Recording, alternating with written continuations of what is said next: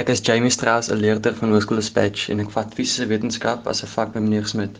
Die van ons wat by hom klas het, is baie bevoorreg om hom as ons onderwyser te hê. Meneer Smit het so baie passie in dit wat hy doen. Hy sit selfs die ekstra moeite en tyd in om vir ons weekliks na skoolklas aan te bied. Meneer Smit is 'n fantastiese onderwyser en ek glo hy verdien al die toekennings wat op sy pad kom. Ek is Nina Erasmus en ek het vir 3 jaar lank fisiese wetenskapklasse by meneer Smit gehad. Ek is voorlopig aanvaar om mechatroniese ingenieurswese by NMU te gaan studeer. Fisiese wetenskappe was 'n vak wat ek gevrees het en ek het amper my studierigting verander omdat ek nie gedink het ek kan dit doen nie. Maar meneer Smit het met eenvoud en passie die vak aan my oorgedra. Die meneer is definitief meerendeels die rede hoekom ek rustig gevoel het om vir ingenieurswese aansoek te doen. Hallo, ek is Dian Moelman. Mense sê altyd dat skynheid vervelig is, maar daardie mense het nog nie by meneer Smit klas gehad nie. Meneer Smit sê altyd: "Gee 110% en hy gee beslis 110%." Kosie Smit, onderwyser in fisiese natuurwetenskappe by die Hoërskool Dispatch en ook Solidariteit se hoërskoolonderwyser van die jaar, is inderdaad 'n 110%er, sê sy vrou Adamina. Adamina is ook 'n leerkrag by die Hoërskool Dispatch. Hy is verskriklik hardwerkend en hy doen alles wat hy doen, doen hy regtig waar met 'n passie En as hy iets doen, dan maak nie saak hoe klein dit is nie, maak nie saak of hy nou besig is om die saal reg te kry en die stoele reg te pak in die saal nie.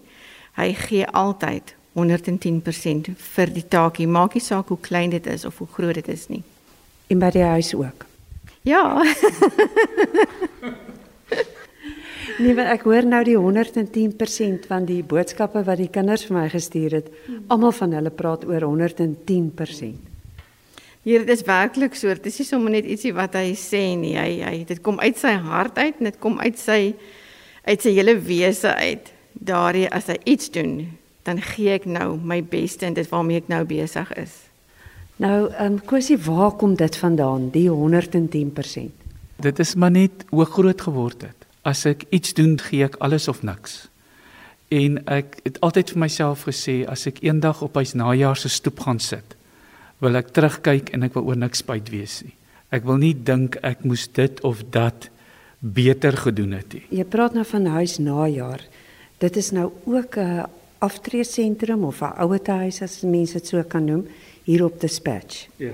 En jy het groot geword op Dispatch dan. Ja, ek het hier groot geword. Ek is hier gebore. Ek het hier skool gegaan by Hoërskool Dispatch en ek het was bevoorreg om terug te kom en ek het hier begin onderwys gee en ek is nog al die jare hierso. Nou wat het gemaak dat jy 'n onderwyser wil word? Ek spot altyd en sê die onderwys het my gekies. Ek het aan einde van matriek het ek aansoek gedoen vir die destydse spoorweë om 'n argitek tekenaar te word en ek het aansoek gedoen vir onderwysbeurs.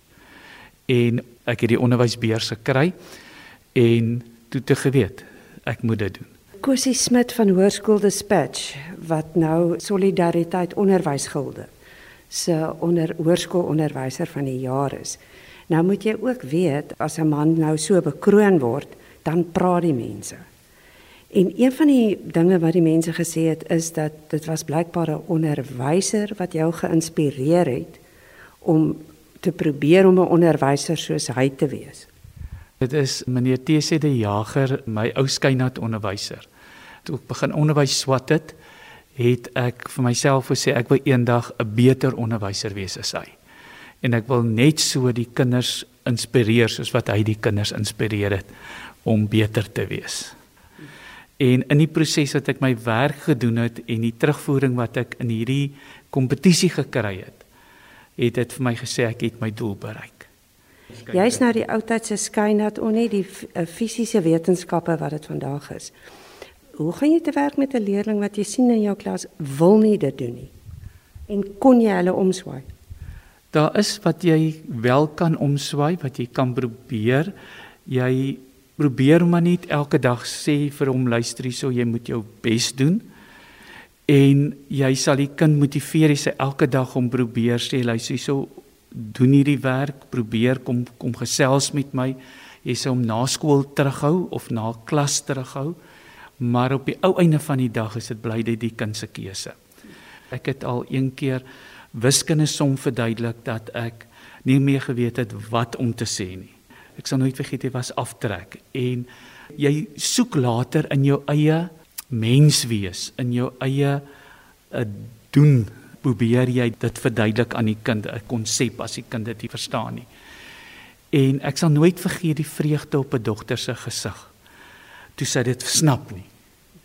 En sy het gesê ek verstaan dit en toe sê ek okay, nou kan ons aangaan. Uh so daai wat jy met 'n kind sukkel is baie keer ook jou grootste beloning. As 'n kind op die ou eind as jy sien maar jene jy het wel iets raak gepraat in met die kind. Voor ons nou met die onderhoud begin het, het jy en Adamina gepraat oor die emosies waarmee kinders soms in die klas kom sit en jy weet nie daarvan nie. Jy kan soos hy gesê het liries raak oor NP van Wyk Lou en daai kind se gedagtes is byvoorbeeld net by woede of oorlewing of so. Dit is waar. Ek was 'n ruklang graad toe ook gewees en daar kom jy agter waarmee die kinders worstel en goed. En dan sit moeilik, jy moet dit onthou in die dag. Terwyl jy klas gee, moet jy dit in gedagte hou. Maar op die ou einde van die dag is jy ongelukkig ook gebonde aan 'n syllabus wat jy moet klaarmaak. So dit maak dit moeilik. Jy moet hierdie alledaagse lewe goeters in gedagte hou. En dit veroorsaak dat jy soms miskien afdwaal en lewenslesse vir die kinders probeer oorgee ten koste van 'n syllabus. En 'n ou moet net onthou om die balans te handhaaf tussen dit. Soos ek nou verstaan jy as jy mens te veel vasval in emosies, dan bly die akademie agter. Ja. Dis 'n groot skeidslyn. Jy moet empatie met die kind hê, maar jy moet tog ook jou werk doen.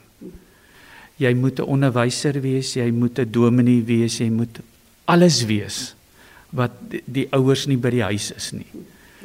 En uh, maar tog moet jy tog jou werk ook wat jy moet wat jy moet doen en wat jy moet afhandel. En nou as jy die hoërskoolonderwyser van die jaar, is natuurlik ehm um, hoe voel dit vir jou? Wat beteken dit vir jou? Dankbaar. Dit wat ek in hierdie reis van hierdie kompetisie beleef het, het laat besef ek het al die jare net gedink ek het my werk gedoen. Dis al wat ek gedoen het en die terugvoering wat ek met hierdie kompetisie kry is buite myself. Dit is dis groot en ek het dit dit besef en ek gun dit vir enige onderwyser wat in die onderwys staan om eendag dit te beleef wat ek beleef het. En um, dan sê ek uit ek ook die besef wat dat die kinders die invloed wat die kinders op my gehad het, sê ek dankie voor. Want was dit nie vir die kinders wat in my klasse gesit het en my verander het in die mens wat ek is nie dan sou ek vandag die onderwyser van die jaar gewees het nie.